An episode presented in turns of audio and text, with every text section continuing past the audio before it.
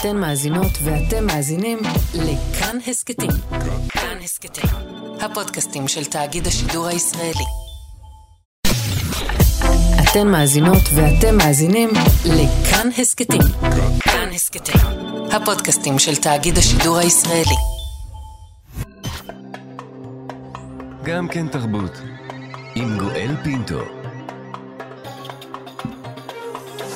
שלום שלום לכולכם, תודה שהצטרפתם אלינו להסכת סוף השבוע של גם כן תרבות, מגזין התרבות של ישראל. פעילי סביבה בריטים נכנסים אל גלריות ומוזיאונים ומדביקים עצמם אל מסגרות ציורים מפורסמים. ציורים של ואן גוך, ציורים של ויליאם טרנר ואחרים. האקט המחאתי זוכה לכותרות בכל רחבי העולם, אבל האם זו הדרך? פגיעה באומנות כדי להאיר זרקור על פשעי הסביבה. נדבר לדבר בזה. אלי אמיר, או לפחות גיבור ספרו חסות, כמו גם השחקן ג'וליאן אומר, הם גיבורי ספרו החדש, השלישי בטרילוגיה של הסופר הלבנוני אליאס חורי, מבכירי הסופרים הערבים החיים. מי שמתרגם את הספר לעברית הוא הפרופסור יהודה שנהב שערבני, שגם יהיה איתנו בשעה הקרובה. נדבר גם על תוכנת בינה מלאכותית שמצליחה לתת שמות למאות אלפי קורבנות השואה האנונימיים המופיעים בתמונות ובסרטים. נדבר גם עם עדן הביטבול, משורר חרדי שמנהל דיאלוג עם יונה וולך, וכן, גם יהלומים. נועה קירל, נציגתנו לאירוויזיון, נדבר בה. עורך המשדר אייל שינדלר, על ההפקה נועה רוקני, בצוות התוכנית ענת שרון בלייס, בר בלפר ואבי שמאי. האזנה נעימה. גם כן תרבות. ההחלטה של הפרלמנט האירופי שהחליט ברוב קטן להכניס גם אנרגיה גרעינית וגז תחת ההגדרה של אנרגיה ירוקה, יוצאים אה, פעילים למען האקלים במחאה שמעוררת שיח. זה ימים שפעילי התנועה הבריטית Just Stop Oil מגיעים אל גלריות, מוזיאונים, חללי אומנות, מרססים את שם הקבוצה ומדביקים עצמם אל מסגרות של יצירות אומנות מובילות. הם הדביקו עצמם לרפרודוקציה של הסעודה האחרונה של דה וינצ'י אה, בגלריה המלאכותית לאומנויות בלונדון. הם הדביקו את עצמם למסגרת של יצירה של ג'ון קונסטבל, הם הדביקו עצמם למסגרת יצירה של ויליאם טרנר במנצ'סטר, וגם למסגרת יצירה של ואן גוך בלונדון. האם מחאות מסוג אלה שמושכות תשומת לב ציבורית, הנה אנחנו מדברים עליהן, הן הדרך הנכונה או שהן דווקא פוגעות במאבק הסביבה החשוב? נברר, נברך לשלום את יניר דוד זאדה. בוקר טוב לך, יניר. בוקר טוב. ונאמר שלום לרויטל ריקלין. בוקר טוב, רויטל. בוקר טוב. יניר, נתחיל איתך ברשותך. האם הזרקור הזה, ואכן זרקור, כן, העולם כולו מדבר על הפעולה הזו בשבוע האחרון, האם זו הדרך הנכונה? בעצם זה שאנחנו מדברים פה בישראל, בתוכנית רדיו, על הפעולה שאנשים במדינה אחרת עשו, אז זה מוכיח שזה כנראה עובד. וזה מעלה את המודעות למשבר האקלים, שזה המטרה כיום, שעוד אנשים יבינו שאנחנו נמצאים במצב חירום וחייבים לפעול מהר. אבל איז, ל, ל, מה עולה למודעות? זו השאלה שאני בעצם תוהה גם עם עצמי, ברשותך, יניר. מה עולה למודעות? עולה למודעות שפעילים מדביקים עצמם למסגרות, או עולה, או עולה לדיון הדבר האמיתי, החשוב, הסביבה? אז גם וגם, אה, קודם כל עולה למודעות זה שאנשים מוכנים לעשות מעשה קיצוני כדי להדביק את היעד עם דבק אה, שלוש שניות, זה לא משהו שבן אדם רגיל אמור לעשות. ואז מבינים שכנראה הם עושים את זה בגלל שאנחנו נמצאים במצב קיצוני. ואז גם מדברים, למה, מה זה המצב הקיצוני הזה? Mm. אנחנו מקווה גם לדבר היום אולי קצת על משבר האקלים ונבין שבאמת אנחנו נמצאים במצב שאנחנו חייבים לפעול. רויטל, לפני, ש... לפני שאעבור אלייך, אני רוצה רגע שנשמע דבר, משפט מאוד ברור, מאוד קצר, מאוד ברור, שאמרה באמת אחת מאותן פעילות שהדביקה עצמה לאחת המסגרות. No painting in this gallery is worth more than the life of my six-month-old nephew. פשוט ככה, אין יצירת אומנות אחת ששווה, אה, שוות ערך לאף אחת מהיצירות המוצגות כאן במוזיאון. זה משהו שאת חותמת עליו, רויטל? לחלוטין. בכל העולם כבר אנחנו מרגישים את השפעות משבר האקלים. עשרות מיליונים כבר סובלים מרעב, מבצורות, גידולים חקלאיים מושמדים יותר ויותר בגלל אירועי מזג אוויר קיצוניים. לאותם אנשים שסובלים כבר היום מההשפעות של, של משבר האקלים לא אכפת אם המסגרת אה, של אותה תמונה ניזוקה או לא. כמה רחוק את באופן אישי היית הולכת, רויטל? אמ, אני אישית חלק מהמרד בהכחדה בישראל. Mm-hmm. אני כיום משתתפת, אני בעיקר אה, צלמת או עושה תפקידים אה, מסביב. אמ, יכול להיות שבעתיד זה בעיקר עניין של אומץ, אבל אני מאוד מאמינה בדרך הזאת. בדרך שמה? שאומרת מה? ננתץ, נשבור, רק תסתכלו, רק תבינו לא. עד כמה המצב שלנו קשה? לא, לא. הדרך היא אי ציות אה, אזרחי בלתי אלים. זו דרך שאפשר לראות אותה לאורך ההיסטוריה שהיא עבדה, זה מגובה במחקרים, כמו צעדת המלח אמ, של גנדי, או פעולות אה, של השחורים בארצות הברית בשנות ה-60. הדרך אומרת, לא, קודם כל שאנחנו לא אלימים, אבל אנחנו נעשה כל מה שצריך ונסכן את עצמנו כדי לעורר מודעות, כדי לבלום את, אה, את, את משבר האקלים. ואת לא מסכימה עם ההנחה שאנחנו שומעים בשבוע האחרון all over the place, שגם פגיעה באומנות או פגיעה אפילו בגלריה לאומנות, זה כן, אה, זה יותר מאי ציות חברתי, זו אלימות של ממש. אה, אני בתפיסה שכשמדובר במשהו שהוא חומרי. ולא בפגיעה באנשים או משהו כזה, לא מדובר באלימות. אה, מלבד זאת, גם חשוב להבין שכל אה, אה, כל פעולה כזאת, חושבים עליה הרבה מאוד. לא עושים סתם פעולה כדי להרוס משהו. הם גם הדביקו את עצמם רק למסגרות, mm-hmm. הדביקו את עצמם רק לרפרודוקציות. Mm-hmm. זאת אומרת, יש הרבה חשיבה סביב הפעולות האלה כדי להבין האם הן באמת ייצרו אה, מודעות וזה יגיע לתקשורת. אם לא, לא בהכרח עושים. ואם היית מדביקה עצמך ליצירה, לאיזו יצירה היית מדביקה עצמך? אז uh, הייתי בוחרת בציור של דלי, שזה אומן שאני מאוד מעריכה. יש לו ציור שנקרא הולדתו, לידתו של אדם חדש, mm-hmm. שרואים בה אדם שמגיח מתוך ביצה, שהיא גם כדור הארץ. הוא מגיח ארצות הברית ואירופה, ממדינות אה, המערב. פרשנות היא שזה איזשהו ציור אופטימי שמדבר על סדר עולמי חדש בתום מלחמת העולם השנייה.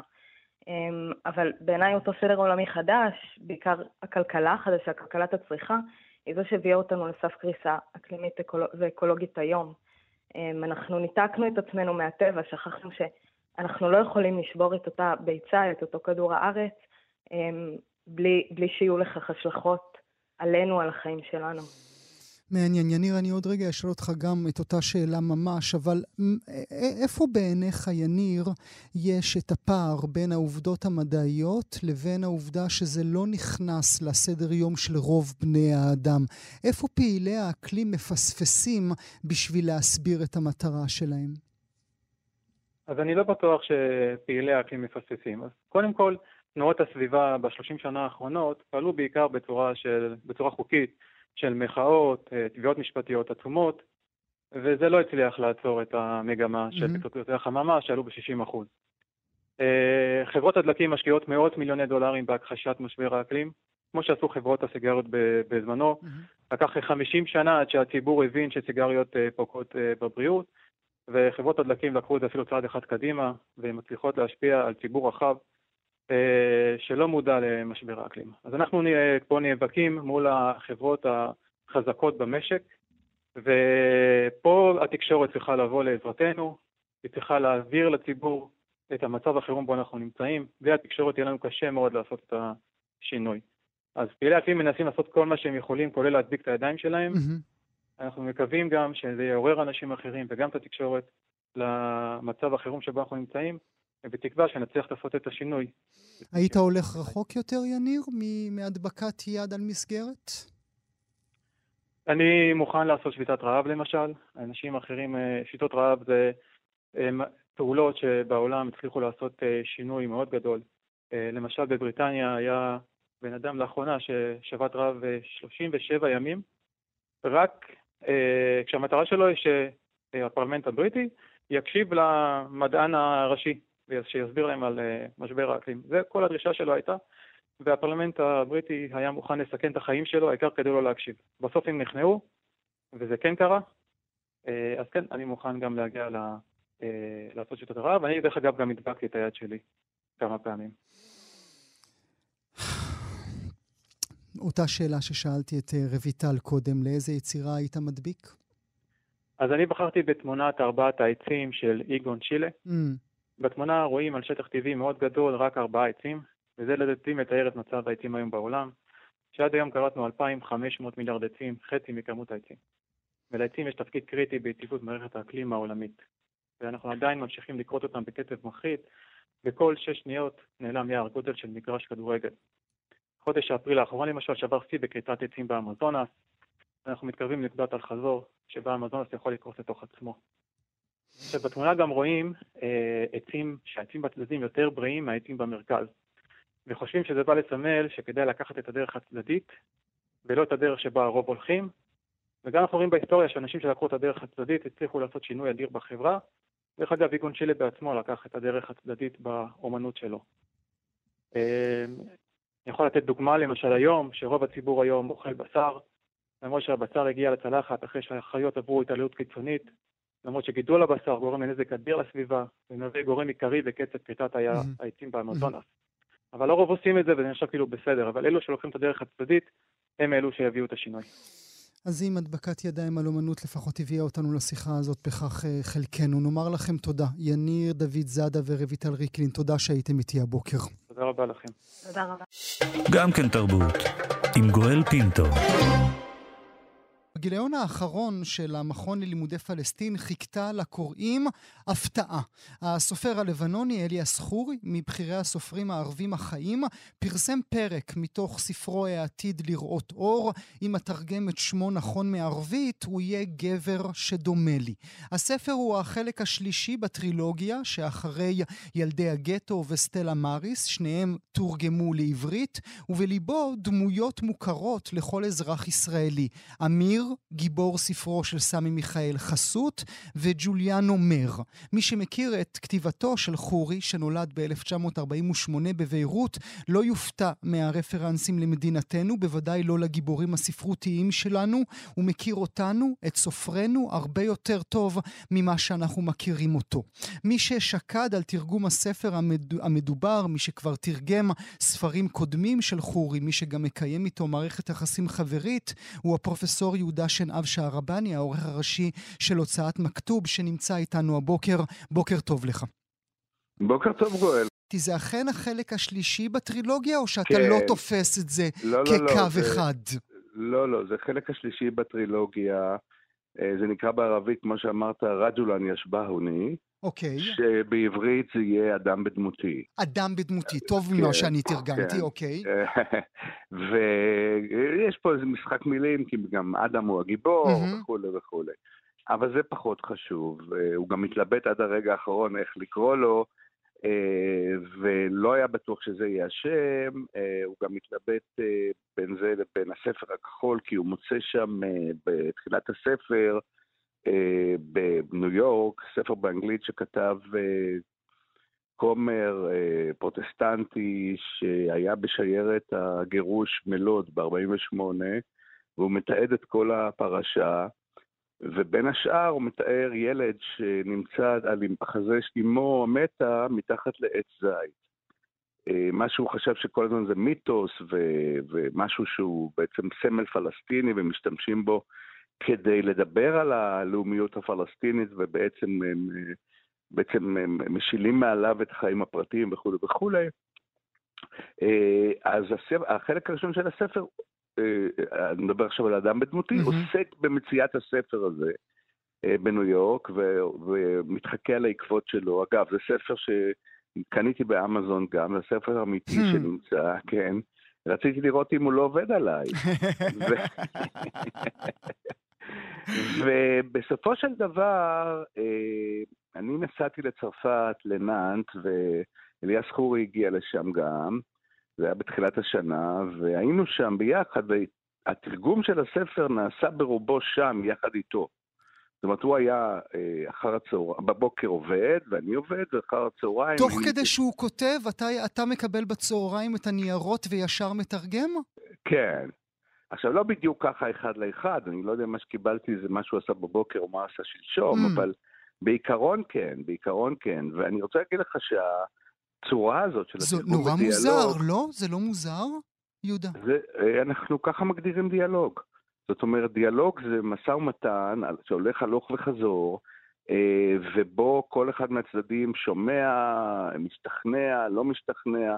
כמובן שהוא הריבון, אבל uh, בדרך uh, הוא, uh, זה היה תרגום נורא נורא חדש ורעיון יפה, של, שבו אנחנו שנינו מתקוש, מתקוטטים, mm-hmm. מתקוששים, mm-hmm. והוא יושב לידי כשאני מתרגם בעברית, ואני מסביר לו מה אני מתרגם, יש שם חלקים שעוסקים בשפה, שבה קשה מאוד להבין את זה, בשפה mm-hmm. הערבית. בנבחי השפה, ברבדי השפה הערבית. אה, מבלי שנוכל לדבר על זה עכשיו. אני צריך שתסביר לי אה, את מערכת היחסים ביניכם, כי אני, אני מכיר אותך אה, הרבה מאוד שנים, נכון. ואני לא נכון. מצליח להבין את, ה, את, ה, את מערכת היחסים שלך עם אליאס חורי. מילא אם היית אומר לי שהוא יושב בנאנט עם המתרגם שלו מ Random House לאמריקה, כן? או, או, או, או קנופף, או גלימאר. אבל מה לו לא וליהודי אה, מישראל, מהוצאת מכתוב, דווקא איתו לנהל דיאלוג של כתיבה ותרגום? אז קודם כל, אני לא יהודי מהוצאת מכתוב, אני גם אה, יהודי ערבי.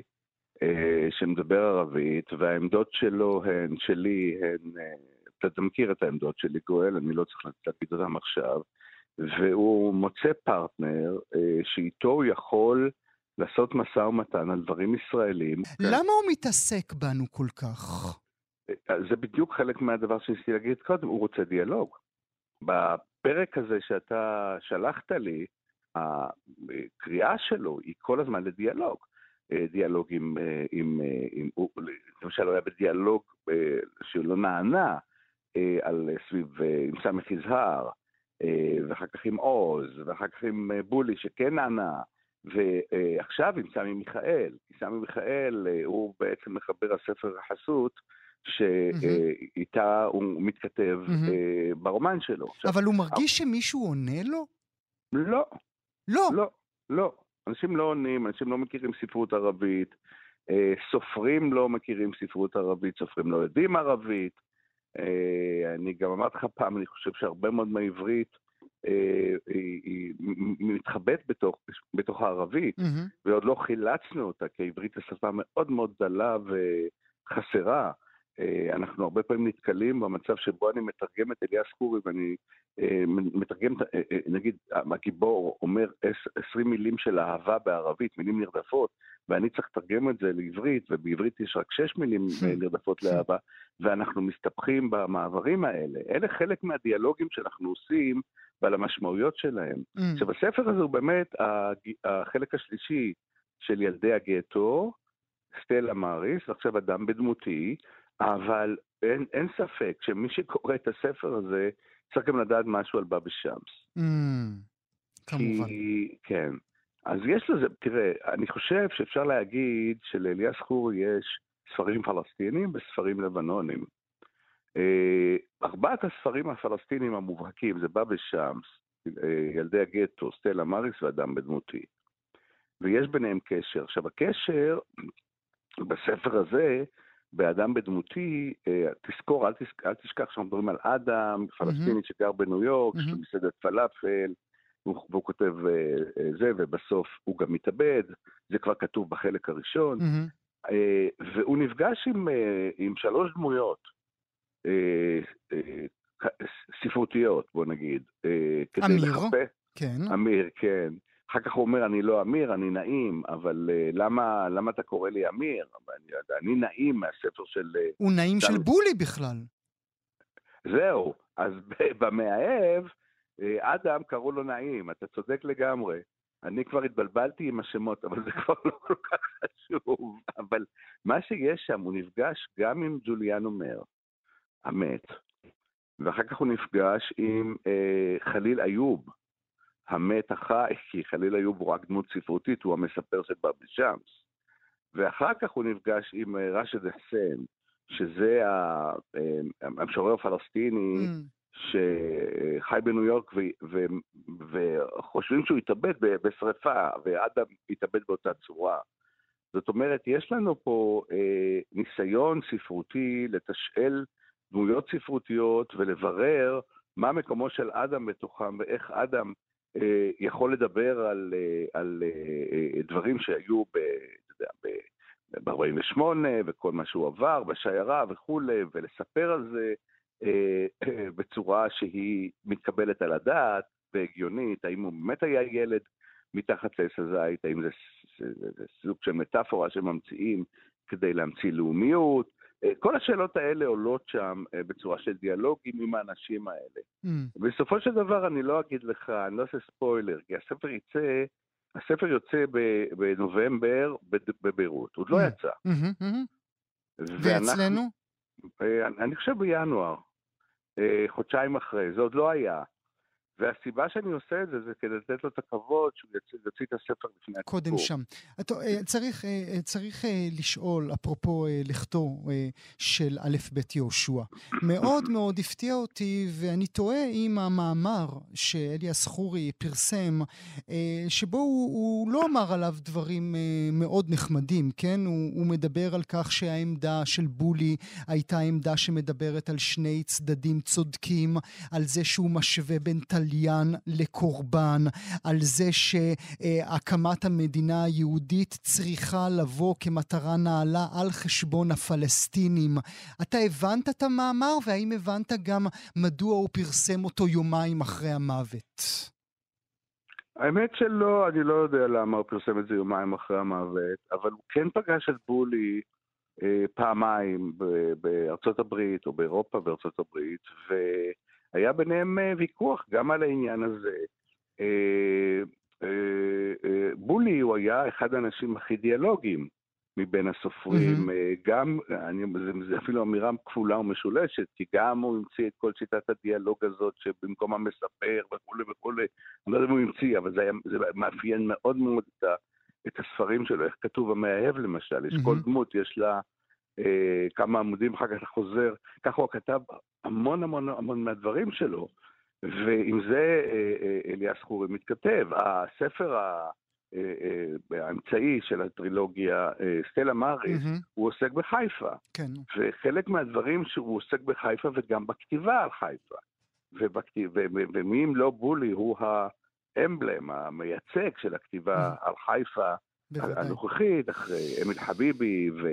אגב, כולם כתבו על חיפה, מחמוד דרוויש, ומי לא כתב על חיפה. כן. אבל, אז, אז במובן הזה, אה, בולי כן אה, נכנס קצת לדיאלוג, כי הוא אתה יודע, היה אינטלקטואל שעסק גם בסוגיית הסכסוך mm-hmm. וכולי וכולי, והם התווכחו כמה פעמים, והם גם התווכחו דרך הספרות. בולי לא ענה לו דרך הספרות, mm-hmm. אבל בולי למשל, צלצל אליי איזה יום ושאל אותי, תגיד, מה אליאס חורי רוצה ממני? Mm.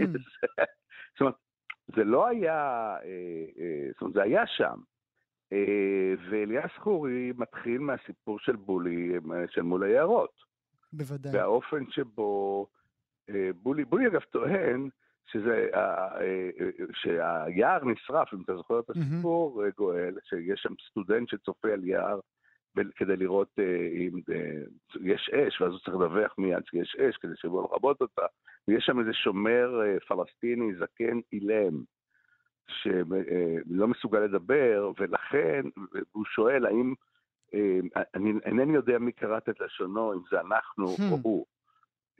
אבל בכל אופן, האילם לא, לא מצליח להגיד לו שיש, שהוא ראה את השריפה, כי הוא לא יכול לדבר, והוא רצה, והוא אומר, רציתי שהיער יישרף. כן. ומה זה היער הזה? זה היער שסטלה קרן קיימת כדי להסתיר את הכפר, אתה יודע. אז, אה, אז, אז זה בולי אמר לפני שנתיים או שלוש, אני שמעתי אותו, זו אינטרפטציה מעניינת. אני לא יודע אם, אה, אם אה, חורי יודע על האינטרפטציה הזאת, אבל... מעניין, אולי זה היה הופך את הדיאלוג שלהם אחרת לגמרי. פרופסור יהודה שנהב שערבני, לעונג רב, תודה שהיית איתי הבוקר. תודה גם לי לעונג גואל, תודה. גם כן תרבות, עם גואל פינטו.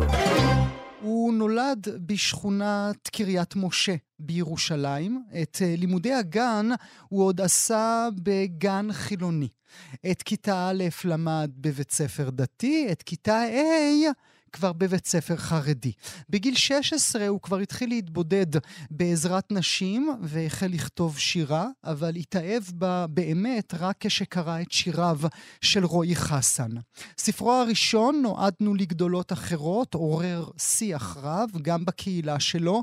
בכל זאת, גבר חרדי שכותב שירה, שמנהל דין ודברים מול העולם כולו, שמשתמש בגיבורי תרבות של העולם החילוני, זה לא דבר שבשגרה, וגם בתוך העולם החילוני שגילה כל נקודת מבט שלא נשמעה קודם. עכשיו הוא מוציא את ספרו החדש, השני במספר, במספר פרגוד. קוראים לספר פרגוד, שבהינף יד קלה יכול לכסות ולגלות. העטיפה שלו בדימוי של אלעד אלחרר מעניינת גם היא, זה מין הומאז' אולי טייק לבנו של האדם, הציור המפורסם של רנה מגריט עם הגבר, המגבעת, שפניו מכוסות בתפוח ירוק. ירוק. אנחנו מדברים על המשורר עדן אביטבול, שגם נמצא איתי הבוקר. בוקר טוב, עדן. בוקר טוב, גואל. תודה רבה שאתה נמצא איתנו. קח אותי שלוש שנים אחורה ואמור לי מה הייתה התגובה המרגשת ביותר שקיבלת עם אה, יציאת הספר הראשון שלך. אה, וואו, אה, האמת היא שאני חושב ש... שהתגובות המרגשות ביותר הגיעו דווקא מכאלה ש... שלא לא ידעו להעריך אה, את, את, ה, את הספר כספר שירה או כפואטיקה, כלומר כאלה שלא קראו אף פעם אה, ספר שירה קודם, ובעצם דרך הספר אה, הראשון שלי היה, כאילו היה להם איזה שער, mm. ובאמת התגובות שלהם, שכאילו, זה כמו ממש, זה כמו לדבר עם ילד שמגלה משהו חדש ושואל עליו, זה היה מרגש מאוד. גם העמידו סימני שאלה מולך במובן של... מי אתה? ממתי אנחנו מכירים גבר חרדי שכותב את השירה הזאת? אה, בוודאי, וזה עוד קודם אה, שהוצאתי את הספר, כלומר, בחברה, בחברה ובקרב החברים שלי ידעו שאני מתעסק בכתיבה, ותמיד תמיד זה עורר איזשהו, איזשהו אה, סימן שאלה כזה, גבות מורמות, כי כאילו באמת, כמו שאמרת, הלגיטימציה בחברה החרדית לגבר אה, היא אך ורק ללמוד תורה. ולהתפתח בכיוון הזה, וכשמישהו עושה משהו אחר זה מיד מעורר איזושהי תהייה, אבל היא חלק מהעניין, אני חושב. אבל זה שאתה מגיע ממשפחה שחזרה בתשובה, נדמה לי שבביוגרפיה הפרטית שלך אתה נולדת כבר אל תוך החזרה, נכון? זה לא, ש... זה לא שנולדת אל החילוניות ואז חזרת, זה כאילו היה מין אמירה כזאת, אני מניח, טוב, הוא חוזר בתשובה, אז הוא יכול להרשות לעצמו לעשות את הדברים האלה. אה, יש, יש בזה, יש בזה מן האמת. אה, כן, אני נולדתי להורים שהיו בתחילתו של תהליך, mm. אה, של תהליך חזרה בתשובה.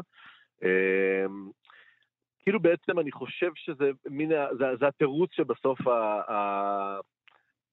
התוהם מתרץ לעצמו. כלומר, איך זה יכול להיות שגבר חרדי יתעסק בשירה? אולי בגלל שהוא בן לחוזרים בתשובה, והם גם ככה כאילו יש להם איזה כוכבית, אבל כן.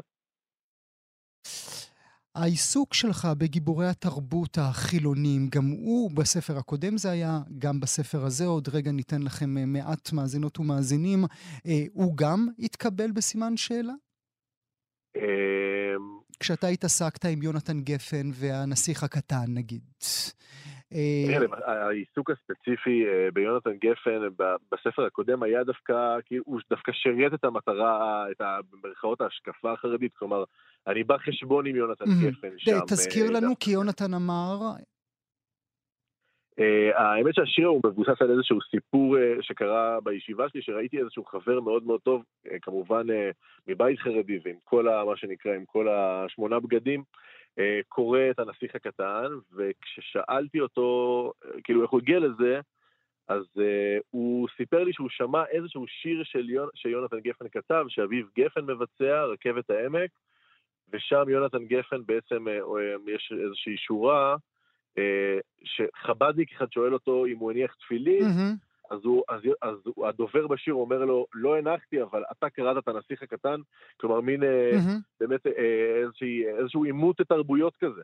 אז אותו בחור אמר לי, כאילו, אני רוצה להיות מוכן ליום פקודה כזה, כאילו, עם, עם, שאני גם מניח תפילין וגם, וגם קורא את הנסיך הקטן. וזו הייתה התשובה שלך. אז כשאתה עסקת גם בשלמה ארצי, אם אני זוכר אה, נכון, עדן, כאשר אתה עסקת בכל אותם גיבורי תרבות, איך זה התקבל בתוך החברה שלך, אצל הקוראים שלך? Uh, תראה, אני חושב ש... שהחברה החרדית היום, uh, ככל ש... יום, יום אחרי יום היא מתקדמת ועושה צעדים אל תוך הישראליות ולהפך, וגיבורי התרבות החילוניים במרכאות הם כבר, uh, במיוחד, במיוחד המפורסמים שבהם, אתה אומר שלמה ארצי, הם כבר אפשר לומר נחלת הכלל, כלומר, uh, אני... אולי לקחתי את זה צעד קדימה בתור יוצר, אבל, אה, אבל אני יכול להגיד לך שבישיבה ובקרב החברים שלי, אה, גיבורי התרבות הם, אה, הם גיבורי התרבות הכלליים. כלומר, היום יש, יש איזושהי פתיחות ואפשרויות רבות, ואפשר לומר שהדברים שהיו פעם דיכוטומיים היום mm-hmm. כבר נזילים לגמרי. אבל הפעם בפרגוד אתה בעיניי מגיע או עולה קומה שלא האמנתי שתעלה אליה. אסביר אה, עבורכם, מאזינות ומאזינים, וגם עבורך, אה, עדן, ברשותך. אה, אקריא לכם שיר שבוודאי מוכר לכם. כרוך אותם על ידיי, שחק אותם בי, אעבר אותם מעדנות על גופי, חכך אותם בי היטב, בכל מקום גרה אותי, עלף אותי בתחושות, אעבר אותם על הדגדגן שלי, קשור בהם את מותניי כדי שאגמור מהר, שחק אותם בי, קשור את ידיי ורגליי, עשה בי מעשים למרות רצוני, הפוך אותי על בטני ושים את התפילין בפי רסן מושכות, רכב עליי אני סוסה, משוך את ראשי לאחור. מאחור וכולי וכולי. זה כמובן השיר תפילין של יונה וולך מ-1982, שיר שבעקבותיו זלדה מנתקת את קשריה עם יונה וולך, שמרים גלזר טסה, אה, סגנית שר החינוך והתרבות, קוראת לוולך באימה מיוחמת, ואתה בספר הזה מנהל עם השיר הזה דווקא דיאלוג. אה, נכון, אני בעצם אה, מנהל עם, עם השיר הזה, פחות עם הטקסט שלו, הטקסט הבאמת, אה, אה, אתה יודע, שמעורר אה, מיד אצל האדם הדתי אה, אנטי, אנטי מוחלט, יותר עם, ה, עם, ה, עם העיסוק של אה, יונה וולך בתפילין עצמם, ככלי שאני מאמין בקדושה העילאית שלו. אה, ובעצם בשיר שמופיע בספר שלי, תפילין, אני מנהל דיאלוג גם איתה וגם עם הגמרא במסכת שבת, שמספרת על אה, אותו תלמיד, על אישה בעל כנפיים, שבזמן גזרות הרומים, אה, אחת הגזרות הייתה שמי שהניח תפילין יוצא להורג, והוא נתפס על ידי חייל רומאי אה, כשהוא מעוטר בתפילין, והוא בורח, ותוך כדי הריצה הוא מוריד את התפילין ומחביא אותם בין ידיו, וכשהוא באמת נתפס על ידי החייל, שמבקש ממנו לפתוח את הידיים, הוא שואל אותו מה יש לך ביד, הוא אומר לו יש לי כנפי יונה. Mm. והגמרא מספרת באמת שהוא פותח את הידיים, פרחו, אה, פרחו יונים מבין ידיו. יפה. אז, אה, אז אה, קראו לו אלישע בעל כנפיים, ואני חושב שהסיפור הזה... בעצם... אז, אז בוא קרא עבורנו, בוא נשים רגע נקודה אוקיי. ונשמע okay. את התשובה של עדן אביטבול בתוך פרגוד לתפילין של וולך. אוקיי. Okay. תפילין, בעקבות גמרא במסכת שבת, דף מ"ט עמוד א'. הבוקר נשארתי לבד. מצאתי פנאי לבהות בלוויתן שלנו צוהל מעדנות בתוך כדור קריסטל ריק. יונה וולך עונה אמן על האשר יצר שלי. התפילין נושאות לי עיניים. אני מציב להן דרישות. בואו אתן וקרחו עצמכן עליי, לפפו אותי עד יעצר אדם, הגנו על הקרקפתא שלי, הלא כפות ידיי כנפיים, אור מגונן על אור, נוצות מבצבצות למטה כדין בשורשו, למשוך עליי קדושה, שהרי אני הכסדור הרודף, ואני אלישע הבורח. אמיץ, מה אומר לך? אתה חושב שמישהו מבני התורה שיקראו את פרגוד וישימו את זה אולי אה, ליד ספר התניא אצלם בסלון, ידעו מי אותה יונה וולך שאתה מזכיר בשורה החמישית לשיר? ועוד אומר אה, שהיא תענה אמן? אה, אני, תראה, בקהילת, בקהילת השירה החרדית שבאמת מתפתחת בשנתיים האחרונות בצורה מעוררת השתאות, אה, אני יכול להגיד לך שבעקבות זלדה, כן, כלומר הפולמוס הזה שהזכרת שהיה בזמנו עם תפילין של וולך והחרם של זלדה עליה וכל מה שיצא מזה, אז בעקבות זה אני חושב שהרבה עושים את ההיכרות בצורה כזאת, אה, בצורה בלשית כזאת, כלומר הם מכירים את זלדה ואז הם קוראים על זלדה ואז הם קוראים שזלדה mm, אה, כעסה, הייתה לה איזושהי כן, כן. ואז הם גם מגלים את וולך. ואתה רוצה שהם יגלו את וולך? כן, בטח. תראה, אני, אני, אני, מאוד, אני מאוד אוהב את, את השירה של נבוא לך. אני קראתי את, את ספריה, ו, ואני, ואני מאמין שצריך לנהל דיאלוג. כלומר, גם... בוא נגיד שבמקרה הזה אני לא... אני כאילו חושב שהדור שלנו, בשונה מדורה של זלדה, צריך לבוא ולפתוח את העניינים במיוחד. אני מרגיש, כלומר, בשיר כמו זה, אני, הדיאלוג שלי הוא כן כאדם שמאמין בחשיבות המצווה ובכל זאת רוצה להבין את המקומות שבהם יש לי איזשהו, אה, בתוכי יש גם את אלישע בעל כנפיים וגם את החייל הרומי וגם את וולך וגם את זה ש... ש, כותב את כל הסיטואציה מלמעלה. מה אומר לך? הלוואי והיית רב ראשי. פרגוד, אה, ספרו החדש, ספר השירים החדש של עדן הביטבול. אני מאוד מודה לך שהיית איתי הבוקר. תודה רבה גואל, תודה רבה. גם כן תרבות, עם גואל פינטו. קוראים לו דניאל פת. הוא בן 40, הוא עובד כמהנדס תוכנה בחברת גוגל העולמית, הוא חי בארצות הברית, והוא יצר עכשיו מערכת בינה מלאכותית מרתקת. הוא הצליח ליצור תוכנת זיהוי פנים שתאפשר לנו, לכולנו, לתת שמות למאות אלפי ניצולים וקורבנות שואה שאנחנו רואים רק בתמונות. מאות אלפי דימויים של קורבנות, גם בצילומים וגם בווידאו, קיימים ומוצגים בעולם, אבל מי, מי הם אותם האנשים שמביטים אלינו מאותן תמונות. בעזרת הבינה המלאכותית שיצר פת, אולי נוכל להתחיל לזהות אותם. כל שאתם צריכים, מאזינות ומאזינים, זה להיכנס, אחרי התוכנית שלנו כמובן, להיכנס אל האתר From Numbers to Names. From numbers to names, ממספרים לשמות, כמו שאתם שומעים, להעלות למערכת תמונה. והבינה המלאכותית תעבור בין מאות אלפי תמונות שהוזרמו אליה, תשווה בין פנים, אפילו בין מספרים שעל הזרוע, ותוכל לראשונה למצוא אתכם, את קרוביכם, בתוך שלל הארכיונים המתעדים. חברת המערכת שלנו, בר בלפר, שוחחה עם דניאל פת, שהסביר לה על המערכת וגם על המוטיבציה להקים אותה. בכלל, בוקר טוב לך, בר. היי גואל, אנחנו כבר רגילים לשמוע סיפורים שלא יאומנו על טכנולוגיה ובינה מלאכותית, אבל הפעם זה באמת מקרה יוצא דופן ומרגש. לפני שבועיים פורסם כי דניאל פט, מהנדס תוכנה בכיר בחברת גוגל, הוא הנדס תוכנה שעושה שימוש בבינה מלאכותית בשביל לזהות פנים של אלפי קורבנות שואה, שמוצגים לנו בדרך כלל כממש ניצבים חסרי שם בכל הספרים והמוזיאונים שאנחנו הולכים אליהם. שוחחתי עם דניאל, והוא הסביר לנו איך המערכת הזאת יכולה לעבוד בשבילנו. grandparent, you, you can upload that photo to the site and it compares the face in that photo against hundreds of thousands of other photographs. There's about 2 million faces that it gets compared against. So it'll return the top 10 most similar faces to the face that you provided. And then really it's up to you as the person searching to kind of look at the results, say, is this another photo of my parent or grandparent or, or family member. לפי דניאל פט, פשוט צריך להיכנס לאתר עם תמונה של קרוב משפחה או אדם כלשהו מתקופת השואה שרוצים לדעת את זהותו. התוכנה משווה את הפנים הנראות בתמונה, או אפילו את רק את מספר על היד, למאות אלפי דמויות שיש לו במאגר. יש במאגר. שיש במאגר mm-hmm. שלו. אחר כך התוכנה תציג למשתמש לא את כל התמונות, רק את עשרת הפרצופים שהכי מזוהים. הכי או... דומים לאדם שאותו חופשנו. הכי דומים, ואז עכשיו האחריות עוברת למשתמש. Mm-hmm. הוא צריך לקבוע מי כל עשרת התמונות שהוצגו לו כהכי דומים, הוא הבן אדם ש... שהוא ביקש לזהות. עכשיו, אנחנו סומכים על תוכנות מחשב שהם יקבעו בשבילנו מה נכון ומה לא נכון, אבל התוכנה הזאת בעצם נותנת לנו קצת יותר לעבוד ולחשוב, להשוות בין העובדות שאנחנו יודעים על הבן אדם, מה הוא היה, איפה הוא היה, ואולי שיוצג mm-hmm. בתמונות אחרות, אנחנו נבין מי הוא באמת. אבל בעצם, בר, מה גורם למתכנת בחברה גדולה כל כך, בחברת גוגל, הוא מהנדס תוכנה בכיר, לימדת אותי לפני, מה גורם לו ללכת, לצאת לדרך ולהמציא דווקא את זה? אז זהו, זה היה ברור, איך ששאלתי אותו על ההתחלה, שחוויה, איזושהי חוויה אישית עומדת מאחורי זה.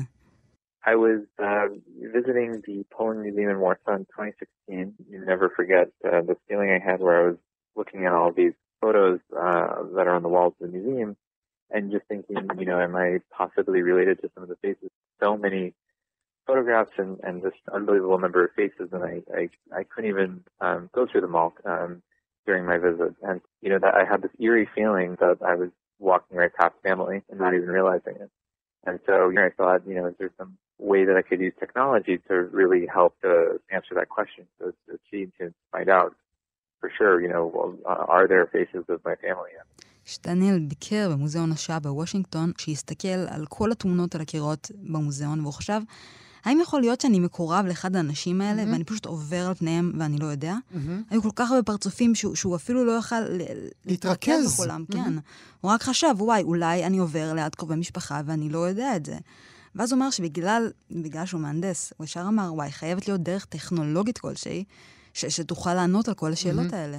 ואז פשוט הוא מתחיל לאסוף, כמו שהוא אמר לך, לאסוף תמונות שמזהות אנשים ממוזיאון השואה בוושינגטון, כן. ולא רק שם, נכון? הוא אומר לנו נכון, עכשיו גם בשיחה. יד, גם יד ושם, mm-hmm. מאות אלפי תמונות מאוספים של מוסדות וארגונים, הוא מנה את שמותיהם, זה הרבה mm-hmm. מוסדות וארגונים.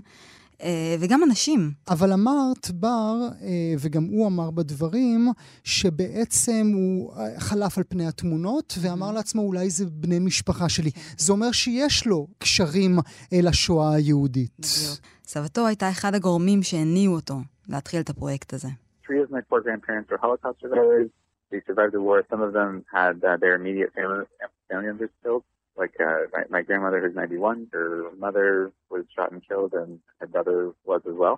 Uh, they all moved to uh, the United States after the war. My grandmother, I've been looking for photos of her. שלושה מארבעת סביו וסבותיו הם ניצולי שואה מפולין, שעברו לארצות הברית מיד אחרי המלחמה. הם שרדו, אבל חלק הם ממש חוו את הזוועות. סבתא שלו, בת 91 היום, היא ראתה את אימא שלה ממש נורא ברחוב ביחד עם עוד מישהי, והוא חיפש כל הזמן תמונות של מקורביה מהתקופה, אה, כי לא היה לה כלום. והוא חשב שאם הוא ימצא את המידע הזה על המשפחה שלו, אולי גם ניצולים אחרים מחפשים, ואולי הם ירצו למצוא בדיוק דברים כאלו. וזה בעצם מה שהוליד אותו לפתוח את, לפתח את התוכנה הזו. עכשיו, תלמדי אותי רגע, בר, התוכנה אה, אה, שואבת מידע רק מתמונות סטילס, או גם מסרטוני וידאו? בדיוק, גם בווידאו, אני הופתעתי מאוד לשמוע שהיא מזהה גם מסרטים. ממש לאחרונה היה להם חיפוש בסרטים, מארכיון הסרטים של סטיבן ספילברג, mm. מתוך קרן השואה שלו, שהוא פתח ב-2001. הובא 50 אלף סרטוני עדויות של ניצולי שואה. זה הפרויקט הראשון שהם עשו עם וידאו. בעצם, מתוך אלפי... שגם מתוך זה התוכנה תוכל בעצם לזהות את הפרצופים, את השמות, את האנשים, באמת לתת שם לכל אותם אה, פנים שאנחנו לא מכירים ולא מכירות. מה בעצם, יש איזשהו גילוי, איזשהו גילוי שהמכונה שלו, אותה בינה מלאכותית, גילתה שהוא גאה בו במיוחד? הוא גאה במיוחד, דניאל הכי גאה בזיהוי הראשון שלו. Personally, I'll, I'll never forget the, the first one. It was an experience I'll never forget for the rest of my life. It was, you know, it was at like 11 o'clock at night. I remember seeing this match and, and thinking, you know, this is a picture of somebody who was looking carefree, relaxed in 1941, where the Nazis had uh, invaded um, that part of the... הזיהוי הראשון שהוא עשה, אז של יהודי מיוגוסלביה לשעבר. דניאל אומר שהוא בחיים לא ישכח את הרגע הזה, את החוויה הזאת, זה היה ב-11 בלילה. והוא זוכר שהוא ראה את האדם חסר כל דאגה בשנת 41, ממש לפני פלישת הנאצים לשם. ואף אחד בעולם לא, לא ידע את זה, יהודי שיושב שם, כולו שמח, זה היה רגע לפני. איך אפשר להיות בטוחים בעצם, בר, שהזיהוי הוא זיהוי, שזה מאה אחוז בול?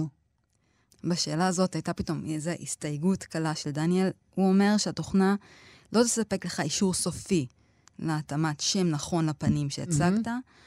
היא מראה רק את התוצאות הכי דומות. את ה top 10, כמו שלימדת אותנו בדיוק, קודם. כן. הכי דומות, אבל ההחלטה היא עליך. Mm-hmm. הם לא אומרים, זה בטוח בן משפחה. Mm-hmm. מעכשיו אתה תקבע. אבל זו תחילת דרך, נכון, בר? כי כן. מהתוכנה הזו יהיו תוכנות נוספות, שאחת תתלבש על השנייה ועל השלישית ועל הרביעית, עד שנגיע באמת לזיהוי אה, אה, מוחלט. בדיוק. דני אומר שהוא מפתח את התוכנה, כל הזמן מציין לי איזה עוד פיתוח יש להם בדרך, mm-hmm. אז זה רק הולך וגדל כל רגע. ובר, באמת זה סיפור פנטסטי, זה עולה כסף? או איך זה עובד? זהו, שאני הופתעתי מאוד לגלות שלא. תוכנה בחינם, חינמית. יכול להשתמש, mm-hmm. כל אדם בציבור יכול להשתמש בה. הפיתוח שלה בכלל, מה שהניע אותו לפתח אותה, זה לא בשביל כסף. Mm-hmm. אבל יש להם נותני חסות, הם לוקחים תרומות לכל התהליך המצליח הזה, וזו דרך שהם מצליחים לכסות חלק מהעלויות. אז זה תרומות, כל מיני גופים. מעניין אותי, כל הסיפור, אני מבין שכמו שאמרת לי קודם, בר, הוא מתכוון לפתח את זה. בוודאי שגם אנשים מפתחים אחרים ייכנסו לתוך הסיפור הזה. אבל מה בעיקר חשוב לו בזה שאנחנו ניתן שמות לאותם פנים שעד עכשיו לא ידענו מי אותם האנשים? זה מרוב כל ההתרגשויות שהוא חווה יום-יום עם התוכנה הזאת, אנשים פונים אליו עם תודות על הזיהוי של מקורביהם. שאלתי אותו אם, אם איפה התכנון להמשיך, זה לא יכול לעצור פה. Look at two things in the near term. And the first one would be there's millions of unidentified faces in Holocaust videos and photos. And my goal was to be able to identify those faces in all of these collections and basically give them their names back and then also um, help with uh, Holocaust education. I think one of the things that's really special about the project is that if you use the software and you make a discovery, it's something that will really stay with you. And I think from a Holocaust education perspective, if students in the classroom are kind of helping to confirm some of the matches, that's something which we really believe is totally new for Holocaust education and, and extremely valuable in really creating this like long-term sort of like memory of, of what it means to, to uh, you know have gone through uh, you know a Holocaust uh, education course. זהו, דניאל אומר שיש מאות אלפי דמויות לא מזהות בתמונות וסרטונים, והמטרה היא לגלות את אותם פרציפים, להחזיר את השם שלהם, זה מה שדיברנו עליו כל הזמן. אבל הדבר השני, שהוא רוצה לפתח את החינוך. אחד הדברים הכי מיוחדים בפרויקט, שאם הוא משתמש בתוכנות ותעשה ניסיון התאמה, זה משהו שממש יעשיר את התלמיד, אם הוא יכניס תמונה וינסה לזהות את סבתא שלו, סבתא רבא. אז זה משהו שהוא מאמין שהוא חדש לחלוטין בחינוך השואה, ויגרום לאנשים להסתכל אחורה על החינוך שהם עברו ולהגיד, וואי, פתאום אני רואה את העובדות. אז זה חיוני שייצור זיכרון לטווח ארוך של מה זה אומר זיכרון השואה. מרתק, מרתק, מרתק. אה, תודה רבה לך, אה, בר, על הסיפור הפנטסטי הזה. נאמר לכם שוב, מאזינות ומאזינים, האתר, אם אתם בעצמכם רוצים להיכנס, לבדוק אותו, אולי להכניס גם תמונה שלכם, של בן משפחה שלכם, האתר הוא numbers to names.org. numbers to names. גוגל ימצא לכם, אין לכם מה לדאוג. שוב, בר בלפר, תודה שהיית איתי הבוקר. תודה רבה. גם כן תרבות, עם גואל פינטו. והנה, הגענו לרגע. בסופה שזה רוקדת איך שבא לי, ובמוצא שהולך להיות פנומנלי, אז בואי תהיה לך ערב לא נורמלי, לא נורמלי. נוח, אני מתפוצצת בעשר, תשע, שמונה, שלוש,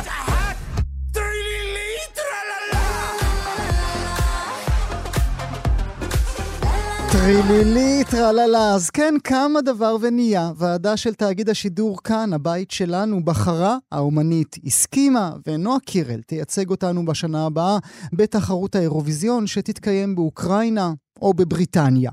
בכך מצטרפת קירל לשורת אומנים שוועדה בחרה בהם לשירות מילואים באירוויזיון.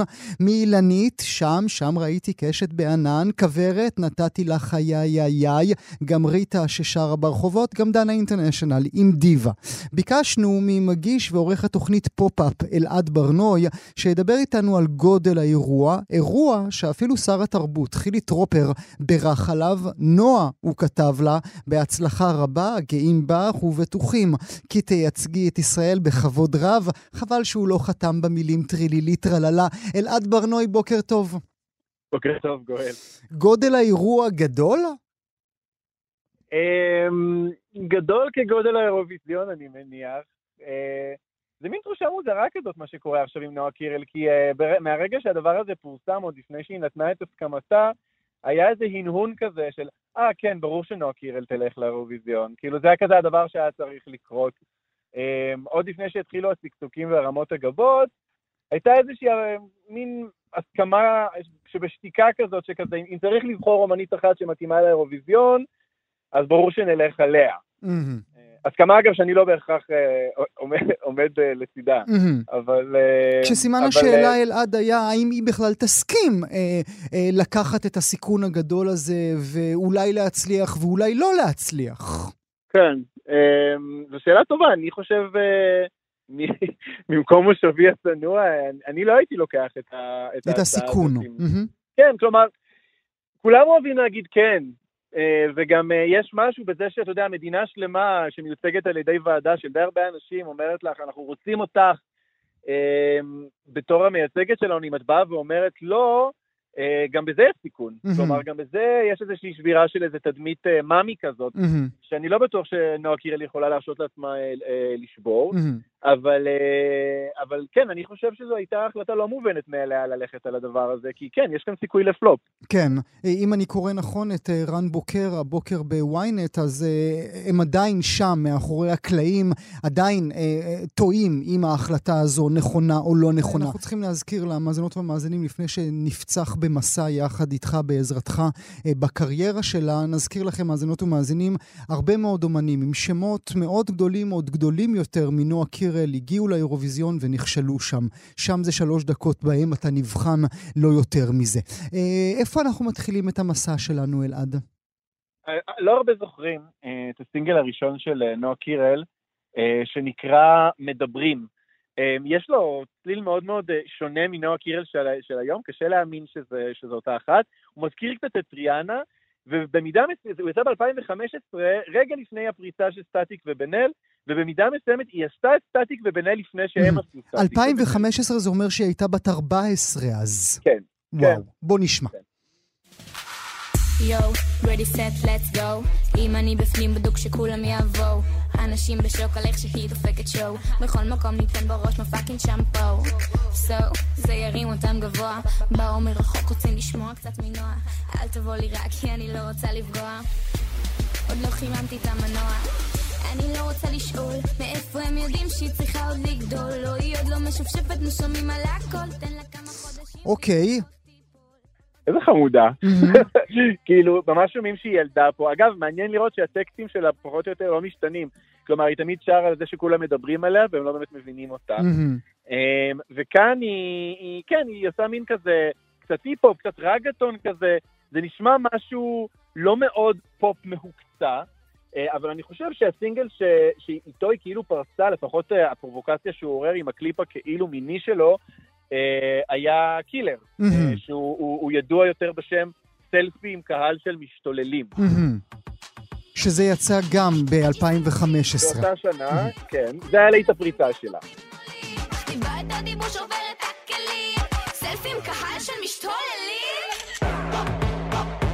אז כאילו כבר כאן אתה שומע באמת שיש פה איזה סאונד אחר, כלומר היא מנסה להישמע כמו משהו אחר, היא לא מנסה להישמע, זה לא מוזיקת מיינסטרים, mm-hmm. צריך לומר, mm-hmm. זה, יש פה מוזיקת עולם, יש כאן הרבה השפעות, uh, המשפט הזה, סלפי עם קהל של משתוללים, זה לא משפט שבהכרח היינו שומעים אותו היום ב, uh, בפופ, כי הוא לא כזה קליט, כלומר mm-hmm. הוא לא מספיק אין לו את ה hook הזה שיש היום לכל שיר שלה, אני לא צריך פזמון, רק תנו לי פעמון. Mm-hmm. כלומר, היה בזה משהו, עד כמה שאפשר לומר, טיפה יותר edgy uh, mm-hmm. בהתחלה. Um, מאז עברו הרבה uh, מים מתחת לגשר, והיא הוציאה הרבה להיטים, היא פגשה את ג'ורדי. אני חושב שהלהיט הכי כאילו, עם הסאונד הכי אופייני, ושבאמת הפך אותה פתאום לאיזה רגע של, היי, צריך רגע להקשיב לבחורה הזאת, mm-hmm. um, היה פאוץ', שיצא ב-2019.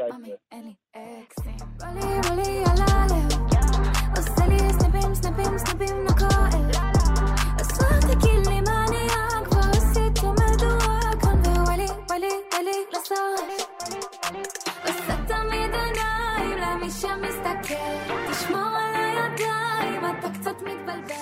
הרגע הזה של פאוץ' בעיניי אני רוצה רגע שנעצור עליו לשנייה אלעד, כי זה בעיניי הרגע הכי ישראלי של, אה, של נועה קירל, אה, אם אני טועה, אנא תקן אותי. כי גם מדברים וגם קילר וגם דברים אחרים שיעשו נשמעים לי, לאוזניים שלי, של בומר, כמו, של, כמו הרבה מאוד שירים מכל רחבי העולם. כאן היה איזשהו מלאנג' שאפשר היה לקבל אולי רק ממנה. אני מסכים, יש כאן איזה, איזה רגע של שילוב של דברים, כלומר, אתה גם מקבל את הפופ הזה, המתקתק, אבל גם מקבל משהו ממש ערבי, יש שם הוק מאוד ערבי במילה פאוץ', אמ, וזו תחושה שרק היא יכולה ליצור את זה. אה, רק פה יכול להיוותר כזה דבר. אה, זה מזכיר קצת פופ ערבי, אבל כן יש בו משהו מאוד מאוד מקומי, אה, ובעיניי זה גם רגע שיא בקריירה שלה, שמשם חוץ מטרילילית טרללה, שבאמת הייתה יציאה יוצאת דופן ששמענו מקודם, אני לא חושב שהיא הגיעה ל, לרמה כזו של שיר. uh, עכשיו, מה שאנחנו שומעים בחודשים האחרונים מצד נועה קיל, uh, קירל, זה את הקריירה הבינלאומית שלה, mm-hmm. שמקודם סימנתי אותה במרכאות, כי אני לא באמת יודע מה ההיקפים שלה, אני לא חושב שמישהו יכול באמת להגיד לנו מה ההיקפים שלה. קשה גם למדוד את זה לפי צפיות ביוטיוב. היא שרה באנגלית, היא שרה שירים שנשמעים כמו המון המון המון שירים אחרים, בדיוק ההפך מפאוץ'. אגב, שירים לא רעים, אבל זה לא שאתה שומע ואתה אומר, וואו, זאת נועה קירל, זה הסיגנצ'ר, זה החתימה, זה הדבר הזה שהבאנו מכאן. והדבר האחרון שהיא הוציאה, שהיה באמת בעיניי ביזאר, זה דלה פרומו, שזה שיר בספרדית בכלל.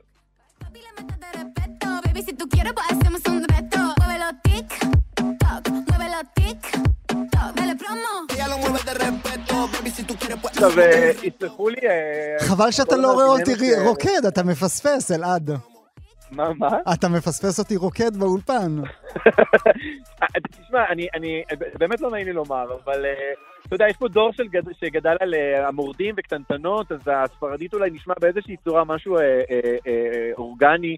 אולי יש פה reclaiming לגירוש ספרד, אני לא יודע, אבל מה לנועה קירל ולספרדית? Mm. כלומר, יש כאן ממש ניסיון למכור אותה לקהל האמריקאי כלטינית, כי היא הרי זרה, mm-hmm. היא לא אמריקאית, mm-hmm. היא לא לבנה, היא לטינית, ויש בזה משהו אה, ממש מגוחך. כלומר, התחושה המצטברת לפחות מה, מהזמן האחרון, היא קצת של יריות לכל הכיוונים. כלומר, לנסות לתפוס את הכל. עכשיו, הם גם לוקחים בחשבון את זה שגם פאוץ', שהוא שיר מצוין, וגם עוד רשימה ארוכה של שירים כמו uh, יהלומים, um, שזכו להצלחה גדולה, כולם היו בעצם פרסומת לאיזשהו מוצר, mm-hmm, mm-hmm. כולם ללא יוצאים מן הכלל. Mm-hmm. אנחנו מתחילים לראות שיש כאן משהו שהוא קצת uh, איזשהו רגע של בניית אימפריה. אנחנו בונים כאן אימפריה, אנחנו, אנחנו עדים לבנייה של אימפריה, של נועה קירל, ואולי ההליכה הזאת לאירוויזיון זה חלק מהדבר הזה, כלומר עשיתי, אני עושה פארק הירקון, יש לי קריירה בינלאומית, אני גם שרה בספרדית עכשיו, אז גם עכשיו אירוויזיון אני אוסיף את זה למדף שלי כחלק מבניית האימפריה. מה שנשאר טיפה מאחורה, וחבל, זה המוזיקה. כי נועה קירל היא פרפורמרית מצוינת, באמת באמת מצוינת. כל מיני קולות נשמעו ברשת ביום האחרון על זה שהיא לא זמרת טובה, היא לא רקדנית טובה, זה לא נכון.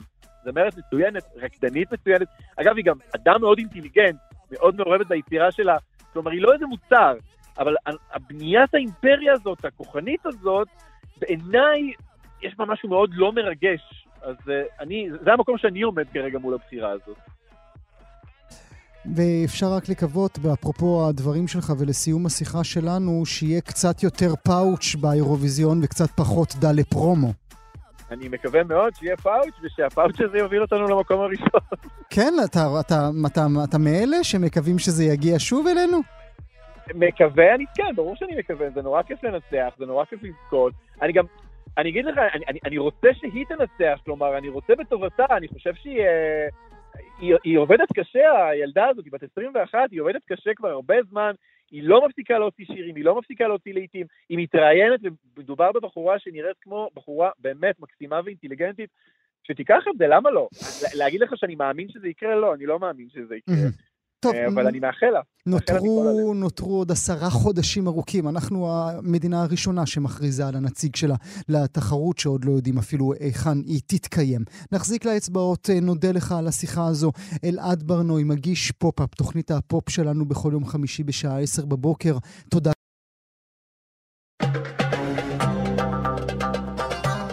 זהו, הגענו אל uh, סופו של הסכת נוסף של גם כן תרבות, מגזין התרבות של ישראל, כאן אצלנו ברשת כאן תרבות, עורך המשדר אייל שינדלר, על ההפקה נועה רוקני, בצוות התוכנית ענת שרון בלייס, אבי שמאי ובר בלפר, ואני מודה לכם שהאזנתם, תודה ולהתראות. גם כן תרבות.